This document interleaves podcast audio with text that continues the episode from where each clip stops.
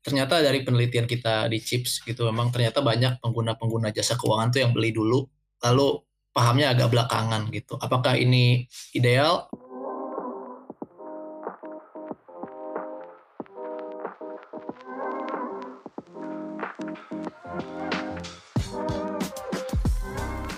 Halo, selamat datang di Ngopi, Ngobrol Pintar bareng Chips. Podcast ini dipersembahkan oleh Center for Indonesian Policy Studies atau disingkat sebagai CHIPS. CHIPS adalah lembaga think tank independen dan non-profit.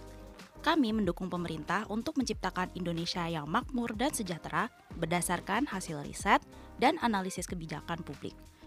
Di dalam podcast ini, kamu akan mendengarkan lebih lanjut dari para peneliti kami dan juga pakar narasumber lainnya mengenai beragam kebijakan pemerintah yang sedang hangat di masyarakat. Ada pembahasan mengenai ketahanan pangan, pertanian, ekonomi digital, pendidikan, dan banyak lagi. Takut ketinggalan episode lainnya? Jangan lupa untuk follow seluruh akun media sosial kami di Instagram, Twitter, LinkedIn, dan Facebook agar terus terupdate. Kunjungi juga website kami di www.chips-indonesia.org agar kamu dapat mendownload seluruh publikasi kebijakan kami secara gratis. Terima kasih dan selamat mendengarkan Ngopi Bareng Chips.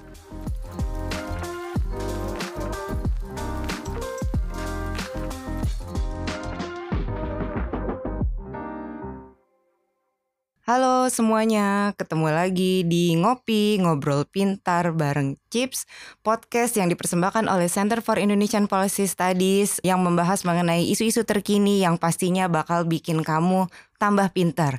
Di episode yang ketiga ini kita akan membahas mengenai literasi keuangan. Literasi keuangan terlebih dahulu, cuan kemudian teman-teman pasti sekarang udah familiar banget dengan banyaknya berita mengenai orang-orang yang tertipu karena berbagai jenis investasi. Ada yang tertipu investasi bodong, terus ada juga banyak masyarakat yang tidak paham mengenai bagaimana cara financial teknologi itu uh, bekerja. Terus ada juga yang tertipu karena mau saja menghimpun, memberikan dana kepada orang yang menghimpun dan akhirnya uh, menjanjikan keuntungan dalam waktu singkat. Bahaya banget kan. Nah, kalau uh, daripada panjang-panjang uh, ngebahas ini di awal, ada baiknya kita ngobrol dulu sama dua orang narasumber yang sudah hadir di siang hari ini. Saya Vera sebagai host sudah hadir di studio Ibu Kartina Suri yang merupakan senior fellow dari Center for Indonesian Policy Studies. Selamat siang Bu Kartina. Selamat siang. Gimana kabarnya Bu? Um, Alhamdulillah baik-baik. Gimana Vera? Syukur ya Bu. Alhamdulillah sehat-sehat juga Bu. Oke, terus satu lagi ada peneliti dari Center for Indonesian Policy Studies yaitu Thomas Dewaranu. Halo Thomas, gimana kabarnya? Halo Mbak Vera, baik Mbak. Semoga Mbak Vera dan Bu Kartina baik-baik juga. Uh, senang banget bisa ngobrol-ngobrol uh, hari ini dengan Thomas dan Bu Kartina. Udah gitu ngobrolinnya isu-isu yang isu finansial financial literacy yang memang uh, kita makin melihat urgensinya makin tambah-tambah penting, terutama di masa sekarang ini. Kalau dulu disebut penting setelah pandemi jadi makin penting gitu. Kenapa sih financial literacy atau uh, literasi keuangan ini menjadi sangat penting? teman eh, teman-teman pasti pernah dengar ada banyak sekali kasus-kasus terkait investasi yang terjadi paling tidak dalam dua tahun terakhir ini. Di tahun 2020 ada kasus kita bisa bilang seperti menggoreng saham ya yang dilakukan oleh sebuah perusahaan yang sebenarnya namanya sudah cukup terkenal terlebih di kalangan anak muda di kota-kota besar. Terus ada lagi nih di tahun 2021 teman-teman pernah dengar mungkin hmm, warga di Tuban kan mendapatkan ganti rugi karena tanah mereka dibeli oleh PT Pertamina dan kilang grassroots refinery dapat ganti rugi yang harganya uh, lumayan lah ya cukup fantastis untuk mereka. Namun sayangnya masyarakat desa Tuban yang uh, mayoritas adalah petani tidak memiliki keahlian lain tidak memiliki pengetahuan yang memadai soal bagaimana mengelola uang, sehingga diduga setelah mereka membeli mobil pribadi dan barang-barang konsumtif lainnya, mereka kehabisan uang nih. Sayang banget kan kalau misalnya mereka memiliki pengetahuan yang memadai soal bagaimana mengelola keuangan, pasti hal ini nggak akan terjadi. Satu lagi uh, untuk mengingatkan teman-teman yang terbaru kasus binary option di mana seorang influencer, si influencer ini menyebarkan informasi sesat mengenai binary option sehingga orang-orang jadi tertarik untuk menginvestasikan uangnya di situ dan termakan omongan bahwa mereka bisa mendapatkan keuntungan dalam waktu yang singkat. Kita perlu nih berbuat sesuatu uh, supaya hal ini tidak terus-terusan terjadi. Pertama-tama saya ingin ngobrol sama Bu Kartina dulu. Uh, Bu, apakah kasus-kasus yang tadi disebutkan bisa menjadi gambaran soal masih rendahnya literasi keuangan di Indonesia? Um, menarik banget sih Vera kalau bahas itu karena dari sepertinya dari tahun ke tahun bahkan kadang-kadang sudah kita bisa sampaikan dari dekade ke dekade ya gitu loh. Jadi um, banyak sekali masih terjadi uh, ataupun masih kita temukan beberapa isu terkait dengan uh, literasi keuangan gitu. Um, tambahan juga kan memang yang baru-baru ini adalah uh, ketika uh, robot trading kemudian uh, rame-rame di freeze kan ya gitu ya banyak beritanya dan yang lain-lain itu masih lumayan fresh di from the oven gitu ya nggak tahu mas gitu. Jadi uh, uh, apa namanya itu mungkin memang jadi topik yang menarik sekali dan kemudian kita kali ini memang akan fokuskan ya gitu. Karena chips juga uh, tengah fokus untuk ke uh, literasi keuangan gitu. Nah kalau dari saya sebetulnya uh, apakah ini permasalahannya terkait dengan literasi keuangan um, bisa dikatakan demikian gitu kan ya gitu. Secara general pasti asal muasalnya adalah terkait dengan literasi keuangan gitu ya.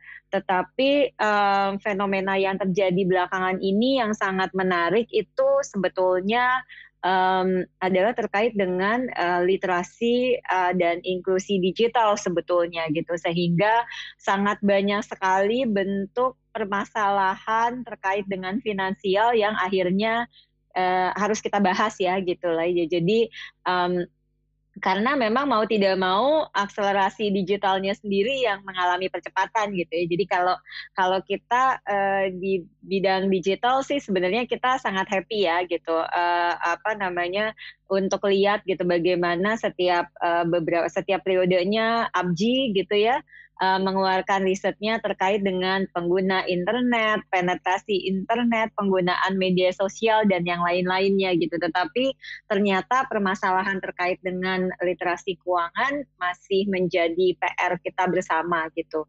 Dan hmm, itu sih kalau dari saya itu dulu. Oke Ibu. Terus uh, saya jadi penasaran Ibu. Kenapa sih sebenarnya literasi keuangan di Indonesia masih terbilang rendah gitu Bu? Oke, literasi keuangan masih dikatakan rendah karena sebetulnya balik lagi uh, pada dasarnya adalah uh, produk-produk yang disediakan uh, di pasar itu gitu ya. Kita kita tidak membahas terkait dengan isu-isu yang terakhir terjadi ya karena itu sebetulnya sudah termasuk dalam golongan produk yang uh, apa tingkatan pemahamannya harus lebih tinggi gitu. Untuk produk-produk yang standar saja, yang dasar saja misalnya terkait tabungan, simpanan, pinjaman, proteksi gitu kan gitu. Produk-produk ini masih sangat banyak yang belum memahami rincian uh, apa namanya kegunaannya uh, fiturnya, manfaatnya gitu kan ya, termasuk juga penalti mungkin gitu kan ya gitu. Jadi katakanlah uh, kalau saya katakan terkadang walaupun kita bekerja di bidang keuangan sekalipun gitu ya, itu kembali lagi gitu ke fungsi uh, kita masing-masing gitu kan gitu. Kalau memang pada saat kita bekerja di perusahaan keuangan tapi uh, kita tidak terkait secara langsung dengan misalnya pembuatan produk gitu kan ya akses terhadap produk gitu kan ya terus udah gitu uh, kita nggak banyak terlibat di infrastruktur terkait dengan pengembangan produk gitu. Mungkin juga kita oke okay, kita tahu gitu lah. Tapi pada saat mungkin kembali ke diri sendiri gitu kan ya gitu. Um, masih banyak juga yang kita temukan gitu kan gitu. Pertanyaan-pertanyaan sederhana nih gitu kan gitu. Pernah nggak lihat di media sosial nih kalau teman-teman pernah lihat nggak ya gitu? Ada yang misalnya posting atau misalnya ada juga uh, apa uh, sumber berita gitu yang memposting gitu kan. Kok saya uh, mengambil cicilan rumah gitu ya, nilainya 500 juta, pada saat kemudian saya melunasi jadi satu miliar ya gitu. Ini beberapa minggu yang lalu ada yang memposting nih gitu. Nah pada saat itu memposting saya kemudian teringat sendiri gitu bahwa sudah pernah juga ada yang memposting hal yang sama. Kok saya pada saat saya mau melunasi pinjaman 300 bisa menjadi 600 gitu kan atau menjadi 800 ya saya kurang kurang ingat gitu. Tapi ada juga ternyata di dalam jejaring saya juga yang menyatakan demikian gitu. Jadi apakah e, bisa dikatakan apakah memang hmm, sangat-sangat tidak melek uh, uh, produk finansial tentunya tidak gitu ya karena sudah ada proses penggunaan. Tetapi um, kalau kita kembali dulu ke uh, apa namanya ke kampanye yang pernah dilakukan pemerintah gitu ya ketika itu masih judulnya adalah masih uh, terkait dengan di awal-awal tuh pada saat uh, uh, konsep menabung gitu diluncurkan oleh Bank Indonesia. Kita tahu ada yang um, pahami, kenali gitu kan ya gitu. Kelihatannya sederhana, tetapi memang ternyata pada saat kita mau penggunaan kita lupa nih gitu, kita lupa lihat gitu. Kalau saya pakai produk ini sebetulnya uh, gunanya buat saya apa gitu. Udah gitu apa yang dibantu dari permasalahan saya. Jadi ataupun apa yang dibantu dari perencanaan keuangan yang tengah saya lakukan. Misalkan saya butuh membeli rumah gitu. Jadi kalau membeli rumah kan secara uh, umum pasti orang tidak punya dana dalam jumlah besar pada suatu ketika gitu kan ya. Itu adalah gambaran singkat gitu. Jadi pastinya kita butuh pinjaman. Lalu kalau kita mengambil pinjaman bunganya berapa gitu. Bagaimana kalkulasi bunga itu dilakukan? Lalu kemudian apa dampaknya kalau kita melakukan pelunasan dipercepat gitu kan ya gitu. Jadi banyak sih komponennya terkait eh, hal-hal uh, begitu yang sebetulnya memang perlu kita telaah gitu ya. Jadi literasi adalah satu hal, yang kedua sebetulnya begitu kita punya akses gitu ya sudah melakukan inklusi literasinya yang tidak boleh berhenti gitu. Literasinya yang harus terus-menerus kita lakukan. Itu sih itu dulu kalau dari saya. Sebenarnya Bu, idealnya uh, upaya seperti apa sih yang harus dilakukan untuk uh, meningkatkan apa namanya literasi keuangan di masyarakat misalnya apakah perlu ada sosialisasi secara terus menerus dari lembaga keuangan atau kerjasama sama pemerintah daerah setempat mendatangi apa namanya tempat tinggal warga seperti apa sih Bu Kartina? Um, kalau mungkin dari segi uh, detail uh, penerapan yang ada gitu kan, lalu kondisi-kondisi yang ada sekarang di lapangan gitu ya, mungkin nanti Thomas yang akan bisa bahas. Tetapi kalau dari saya sebetulnya lebih ke arah apa sih yang bisa kita lakukan gitu, yang bisa kita lakukan uh, tergantung dari peran kita sebagai apa nih gitu. Peran kita kepada diri kita sendiri itu sebetulnya dimulai dari uh, memahami uh, cara uh, mengelola keuangan sebetulnya gitu. Jadi balik lagi selalu ke tahapan yang paling mendasar um, sehari-sehari itu kita uh, keseharian kita kita itu butuhnya apa. Lalu kemudian apalagi yang perlu kita rencanakan untuk ke depannya gitu kan ya gitu. Misalkan uh, apakah kita perlu merencanakan untuk misalnya apa untuk dana liburan kah gitu kan ya atau misalnya uh, dana untuk naik haji gitu kan ya gitu uh, um, atau yang lain-lain misalnya atau misalnya untuk anak sekolah gitu kan ya atau misalnya untuk retirement atau pensiun. Jadi banyak hal sih sebetulnya yang perlu kita siapkan gitu. Nah, itu itu masih terkait dengan individu gitu. Jadi kita sebagai individu tapi kalau kemudian kita sebagai uh, dalam kapasitas kita sebagai regulator sih sebetulnya sudah banyak kegiatan yang dilakukan uh, uh, apa dari sisi uh, uh, apa regulator gitu ya terkait ini. Um, tetapi memang uh, karena juga um, apa pasar kita sangat luas gitu, pastinya juga tantangan untuk melakukan uh, literasi ini juga tidak mudah gitu kan ya gitu kita bisa ngobrol-ngobrol juga nih sama Thomas yang uh, dengar-dengar lagi dalam proses uh, merampungkan penelitian soal literasi finansial ya Tom ya. Iya benar Mbak Vera. Yang yang saya tahu nih uh, angka literasi keuangan itu tidak sejalan dengan apa namanya inklusi keuangan karena sebenarnya sudah cukup banyak uh, masyarakat yang bisa mengakses produk-produk keuangan lewat berbagai macam uh, lembaga keuangan. Thomas bisa ceritain nggak uh, sebenarnya apakah seharusnya berkorelasi angka finans inklusi keuangan dengan uh, literasi keuangan bisa diceritain nggak Tom? Menarik banget sih topiknya tadi juga uh, dengar kasus-kasus yang dipaparin Mbak Vera, kemudian tadi juga pemaparan dari uh, Bu Kartina. Sebenarnya banyak yang nyambung dengan topik-topik uh, riset yang lagi uh, kita kerjain di Chips gitu. Uh, memang benar tadi kalau Mbak Vera bilang uh, inklusi tingkat inklusi keuangan di Indonesia dan tingkat literasi keuangan di Indonesia itu agak timpang. Artinya tingkat inklusi keuangan paling tidak berdasarkan data OJK yang terakhir itu jauh lebih tinggi dibandingkan literasi keuangan. Si inklusi keuangan di angka 76% dan si literasi keuangan di angka uh, 30-an persen gitu. Artinya kalau dari gap ini aja bisa kita lihat uh, ada beberapa orang yang sudah punya akses ke Eh, jasa-jasa uh, dan produk-produk keuangan, tapi mereka belum punya literasi yang memadai terhadap uh, produk-produk yang mereka gunakan, yang mereka uh, beli itu. Gitu. Nah, uh, apakah seharusnya berjalan berbarengan? Um, sebenarnya idealnya demikian, Mbak. Cuma uh, ya kita tahu kan inklusi keuangan beberapa tahun belakangan ini banyak sekali terbantu uh, dengan perkembangan teknologi gitu. Artinya karena kita semakin banyak orang Indonesia semakin banyak yang pegang handphone punya akses ke internet uh, di situ juga ada kesempatan untuk uh, bagi penyedia jasa keuangan untuk menyediakan jasa keuangan dalam bentuk digital yang kemudian dapat diakses kepada masyarakat um, memang idealnya masyarakat yang menggunakan layanan-layanan digital tersebut uh, sebelum dia gunakan dia harus aware ter, aware, aware terlebih dahulu terhadap uh, produk-produk yang akan mereka akses apa resikonya, apa kekurangan dan kelebihannya, dan apakah cocok dengan uh, profil resiko mereka gitu. Tapi kan literasi keuangan itu kan uh, berproses ya, nggak bisa nggak bisa instan gitu. Uh, tadi uh, benar kata Bu Kartina untuk literasi keuangan untuk produk-produk yang sebenarnya masih dasar aja kayak misalnya uh, tabungan atau deposito itu aja kalau kita uh, lihat di daerah-daerah itu masih banyak yang yang belum terlalu paham soal produk-produk itu. Nah, apalagi sekarang dengan adanya teknologi mereka terekspos dengan berbagai macam produk-produk uh, baru yang mungkin mereka kurang familiar seperti misalnya pinjaman online, lalu ada aplikasi untuk investasi, um, investasi emas, investasi saham dan lain hal sebagainya. Jadi memang itu tantangan tantangan tantangan uh, bersama gitu.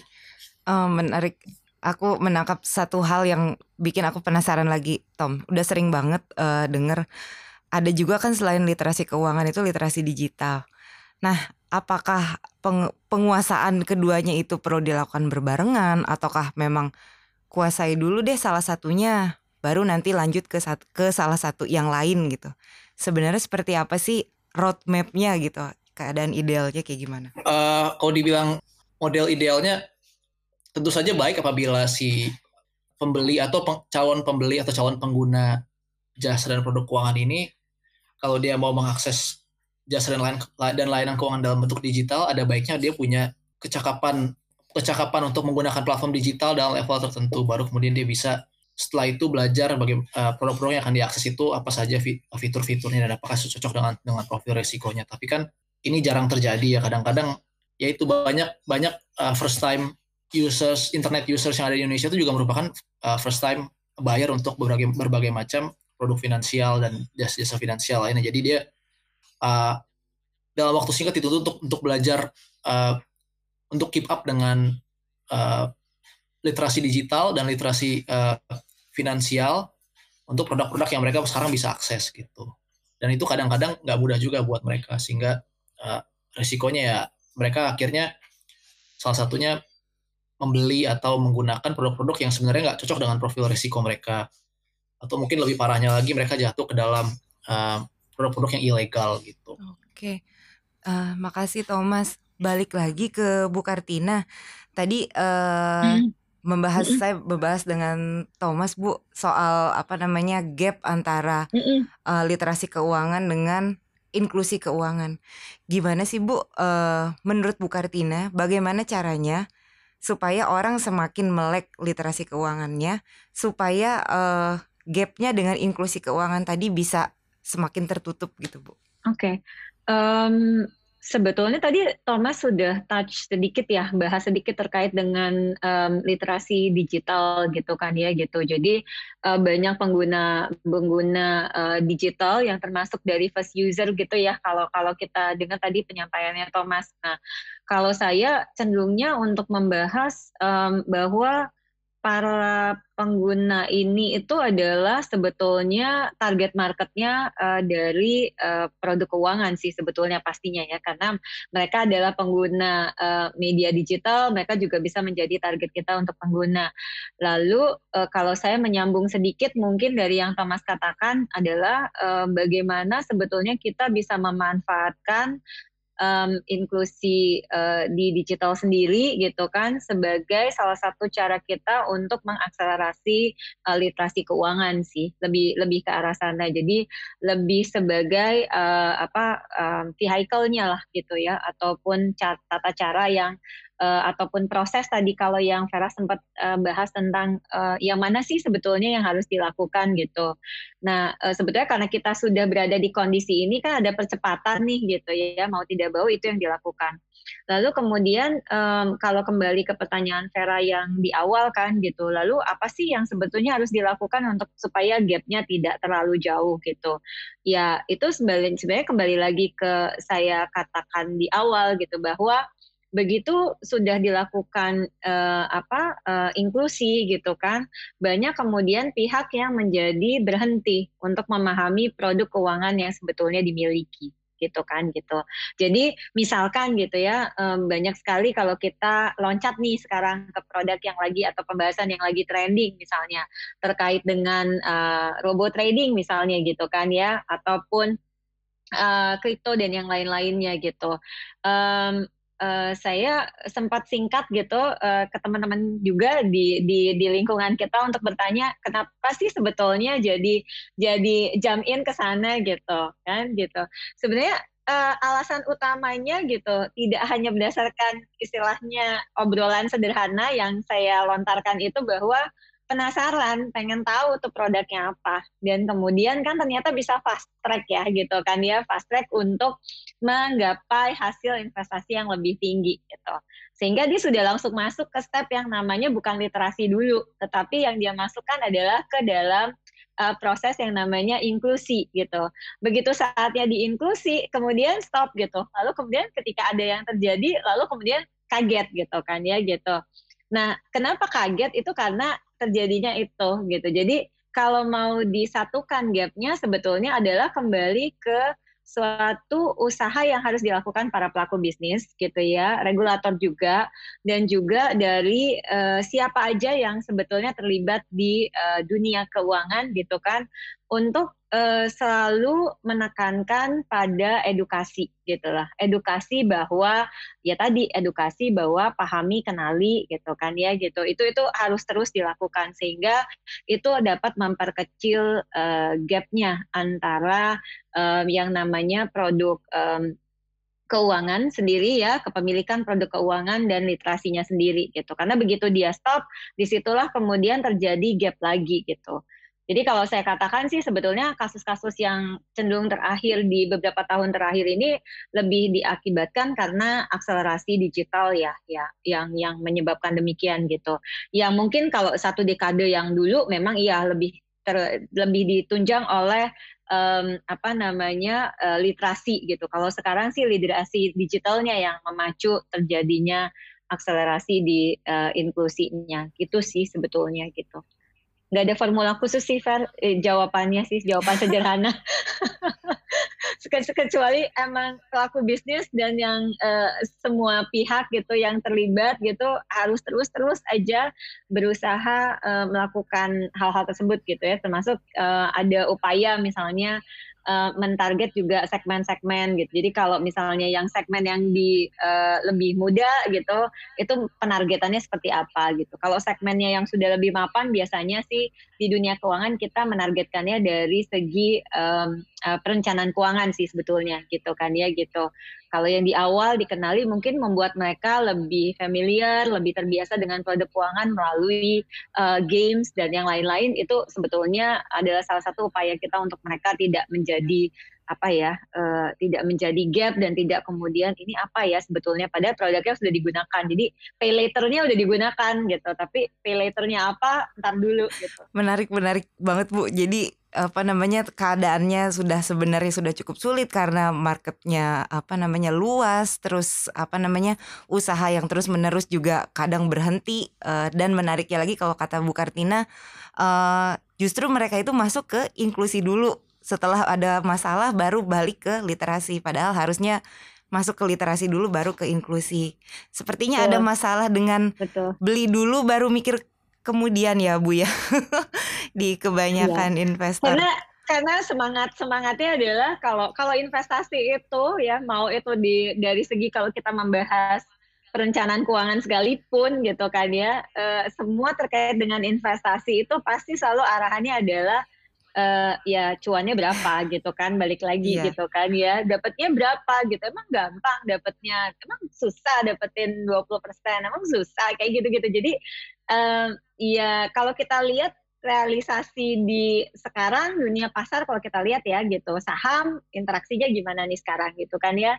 Obligasi gimana sekarang gitu kan ya gitu. Lalu tiba-tiba kemudian uh, kita ingin uh, fast track dengan oh ya udah gitu. Jadi uh, mau mendapatkan yang tinggi itu tapi nggak memahami produknya gitu. High risk high return lah. Mau produk apa pun itu high risk high return gitu. Pasti gitu.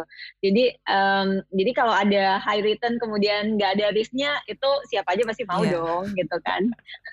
Ya tambah menarik lagi bu. Yang yang pingin uh, mungkin teman-teman di sini juga juga pingin tahu kalau kita pasti uh, udah sering banget dengar ada sinergi dari pemerintah, dari pelaku usaha, dari asosiasi.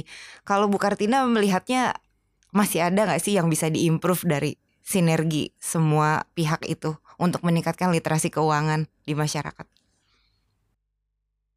Sebetulnya kalau saya sih uh, mungkin kembali ke uh, satu uh, kampanye dasar tuh penting banget ya satu-satu. Misalnya sebenarnya bukan kampanye sih, lebih kayak edukasi gitu ya. Jadi uh, istilahnya kalaupun itu iklan adalah iklan layanan masyarakat gitu kan ya kalau kalau bentuknya seperti itu. Jadi sebetulnya lebih ke arah uh, pesan yang harus disampaikan secara konsisten gitu dari waktu ke waktu gitu. Kita tuh sebetulnya punya banyak sekali loh gitu hari apa hari apa terkait dengan dunia keuangan gitu kan ya gitu. Tapi uh, sayangnya memang uh, apa ya namanya ya sayangnya itu tidak tidak tidak uh, mungkin lebih kayak secara periodik gitu loh. Jadi pada saat mau menjelang kegiatan apa lalu kita lakukan kegiatan apa gitu loh. Jadi uh, misalnya lagi mau peningkatan ekonomi syariah gitu kan ya gitu. Nah kita fokus ke sana gitu. Lalu kemudian tidak ada lagi gitu. Jadi sebenarnya dalam satu tahun tuh agendanya banyak gitu ya, tapi akhirnya kita potong-potong. Jadi emang alangkah lebih baik kalau semuanya memang mengacu kepada semacam agenda jangka panjang sih gitu dan termasuk upaya-upaya yang dilakukan lebih kayak ke arah lu upaya jangka panjang gitu. Karena kalau biasanya itu um, kita datang gitu ya ke sekolah, ke kampus gitu, ke masyarakat gitu ya, kita lakukan berbagai macam hal um, kalau kemudian sifatnya adalah uh, ya istilahnya um, satu satu waktu tertentu satu waktu tertentu itu biasanya ya segmennya juga kadang-kadang mereka paham oh iya ya bagus ya gitu harus paham tentang ini lalu kemudian mereka lupa lagi gitu kan ya gitu. Oke, gitu sih. Berarti keseniam, kesinambungan ya Bu ya yang bisa saya ambil dari poin mm -hmm. uh, penjelasan Bu Kartina. Balik ke Thomas Betul. nih, Tom terkait uh, penelitian uh, chip soal literasi keuangan. Uh, jadi apa yang bisa uh, hal apa yang bisa jadi prioritas yang perlu dilakukan pertama kali uh, untuk membenahi literasi keuangan di Indonesia? Mungkin kalau saya boleh nyambung sedikit sekaligus juga menjawab pertanyaannya.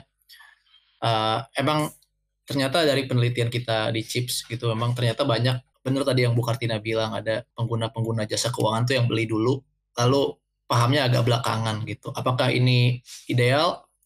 Uh, mungkin enggak, tapi memang sebenarnya ada cara-cara untuk uh, supaya si inklusi keuangan ini dapat diintegrasikan juga sebagai upaya peningkatan literasi keuangan.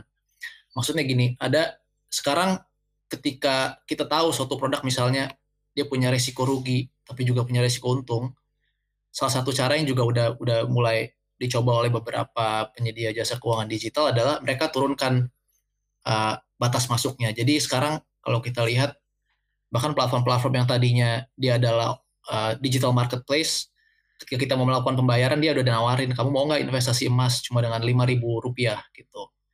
Nah ini buat orang-orang yang uh, investor-investor retail yang sebelumnya nggak pernah tahu apa sih investasi emas itu dia bisa coba masuk uh, di produk ini dengan biaya yang uh, sangat kecil gitu kan. Sehingga nanti dia arahnya bisa bisa menjadi kayak semacam learning learning by doing gitu tapi dengan dengan cost yang yang yang yang kecil gitu. Sama juga dengan reksadana gitu. Kayaknya ada ada beberapa uh, uh, manajer investasi gitu yang menawarkan uh, produk-produk reksadana dengan biaya, biaya yang murah gitu. Kadang-kadang sepuluh ribu lima belas ribu dua puluh ribu. Jadi uh, sekaligus dia meningkatkan inklusi keuangan mengajak orang untuk masuk ke produk itu si orang tersebut juga bisa uh, punya kesempatan untuk belajar. Uh, ini tuh produk apa sih sebenarnya? Ketika saya subscribe ke produk ini risikonya apa dan potensinya apa gitu. Nah itu salah satu upaya yang bisa yang bisa di ya, uh, di encourage dari uh, sisi si penyedia jasa keuangan gitu. Nah kalau dari uh, OJK sendiri sebenarnya OJK udah udah cukup aware dengan uh, berbagai macam perkembangan ini gitu. Nah OJK tuh udah kalau untuk untuk uh, hal ini dia udah mengeluarkan misalnya yang namanya uh, singkatannya replay. Jadi itu kepanjangan dari ringkasan informasi produk dan layanan. Ketika produk, ketika suatu penyedia jasa keuangan ingin menawarkan suatu produk jasa keuangan, uh, si ini udah punya guideline yang minimal kamu harus kasih tahu ABCDE gitu. Termasuk salah satunya risiko, potensi, terus track record kamu dalam mengelola uh, dana di produk ini dan sebagainya. Jadi uh, hal ini juga mendorong uh, transparansi dari dari uh, aktivitas di bidang uh, keuangan khususnya secara digital gitu. Itu hal yang bisa diimprove. Kemudian dari OJK sendiri uh, selain juga mereka uh, memimpin gitu ya, memimpin program-program literasi keuangan Indonesia, mereka juga sudah misalnya mensyaratkan para para penyedia jasa keuangan untuk juga serta berpartisipasi dalam uh, uh, program-program peningkatan inklusi keuangan dan literasi keuangan gitu. Jadi udah ada sistemnya dan sistemnya udah terintegrasi. Jadi si penyedia jasa keuangan ini mereka harus lapor gitu per tahun sudah buat berapa program gitu. Cuma uh, mungkin yang bisa diimprove uh, dan OJK sendiri juga mengakui itu dari dari beberapa white paper dia, dari beberapa program-program uh, dokumen-dokumen roadmap mereka juga memang perlu ada suatu evaluasi uh, yang lebih komprehensif terhadap program-program yang sudah dilaksanakan. Karena kan programnya banyak baik dari OJK maupun dari penyedia jasa keuangan Cuma untuk tahu mana sih program yang benar bekerja, apakah program misalnya perpustakaan kelilingnya OJK itu lebih baik dibandingkan misalnya seminar yang biasa dilakukan OJK atau apakah uh, aplikasi uh, mobile phone OJK yang misalnya untuk anak-anak itu lebih baik daripada modul-modul literasi keuangan untuk uh, pendidikan dasar yang dikeluarkan OJK mana yang lebih baik mana yang lebih efektif gitu? Itu memang sampai sekarang uh, belum belum terukur secara uh, komprehensif dan itu juga kayaknya untuk ke depannya itu yang akan di yang akan coba di, di, dibentuk di OJK dan diintegrasikan dengan upaya-upaya yang dilakukan oleh uh, penyedia jasa keuangan itu sih mbak. Menarik banget Tom, itu kayaknya udah masuk ke rekomendasi penelitian ya kalau di didengerin lebih lanjut lagi sepertinya memang udah uh, itu hal-hal yang perlu diimprove sama OJK yang mungkin jadi concern dari uh, teman-teman di CHIPS gitu.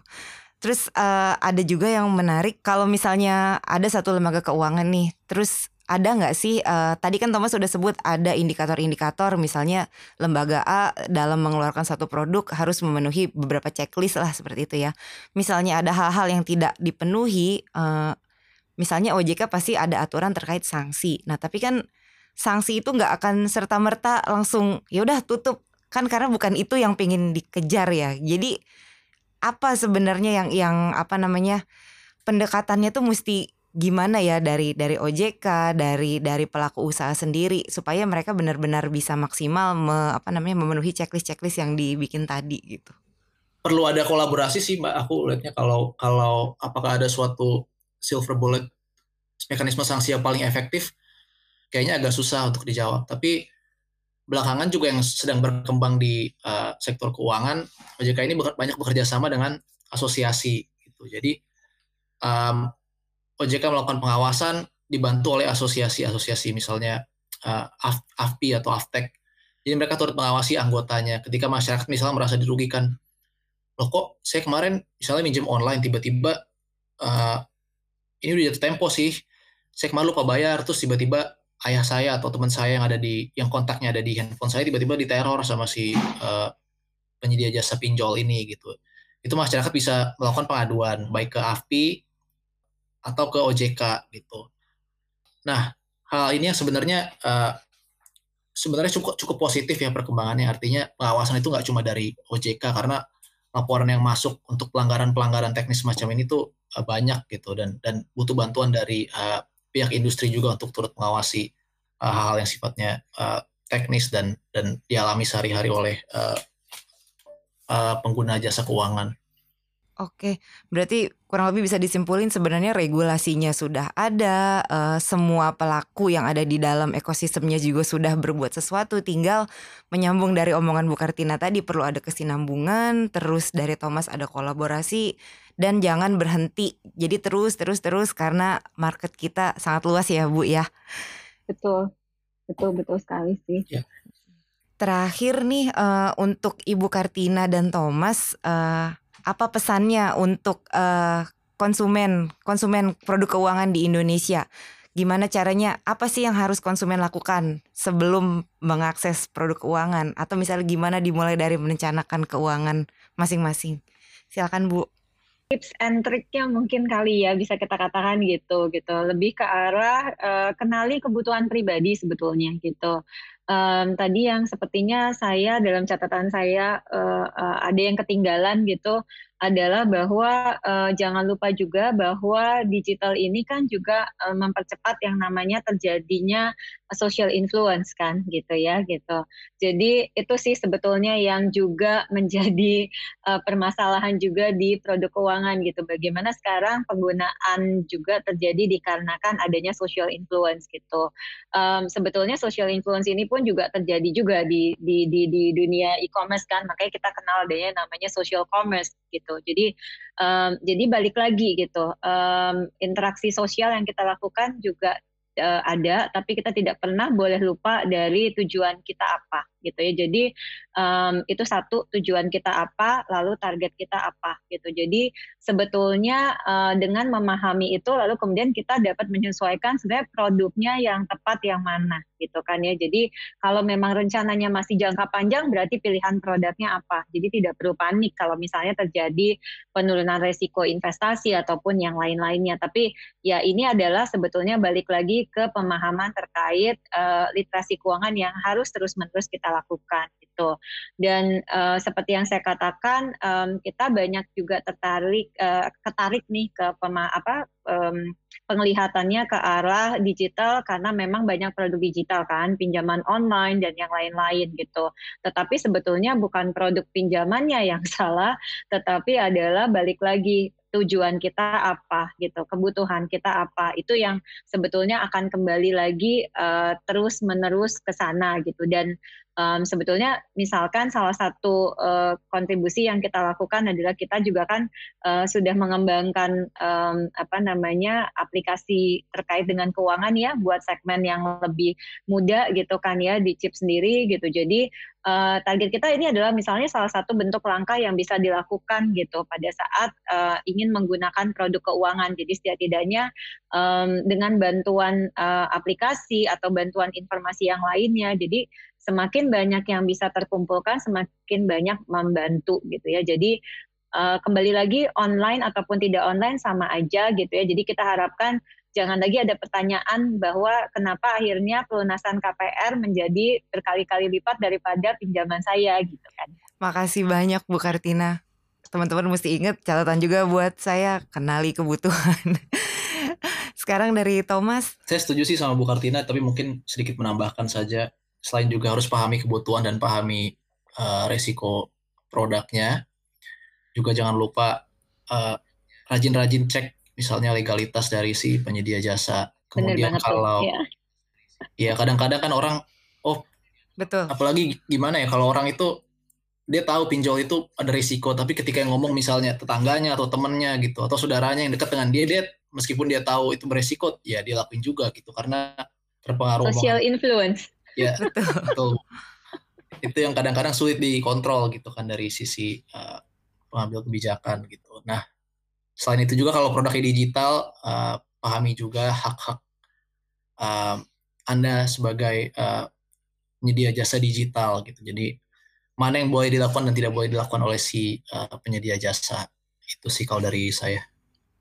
Oke, terima kasih banyak Bu Kartina dan Thomas untuk ngobrol-ngobrolnya hari ini. Banyak sekali hal yang bisa uh, dibawa pulang sama teman-teman yang lagi mendengarkan. Semoga setelah obrolan ini kita jadi tambah bijak dalam mengenali kebutuhan kita dan menentukan uh, jenis investasi apa sih yang paling sesuai dengan kebutuhan kita. Jadi nggak ada lagi cerita-cerita kayak yang tadi Bu Kartina uh, ungkapkan orang yang bingung kenapa bayarnya sekian terus tiba-tiba harus melunasi jadi lebih besar lagi. Terima kasih banyak sekali lagi untuk Bu Kartina dan Thomas. Uh, sama-sama. Uh, mudah-mudahan kita bisa ngobrol lagi dengan topik yang lebih menarik. Uh, teman-teman sekalian jangan lupa uh, akses uh, akun Chips di Instagram chips at chips.id underscore id supaya nggak ketinggalan episode terbaru dari Ngopi.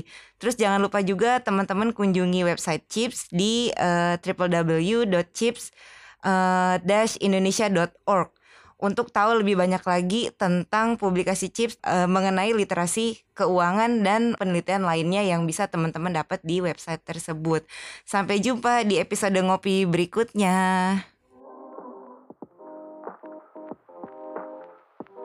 Kamu baru saja mendengarkan Ngopi, Ngobrol Pintar bareng Chips.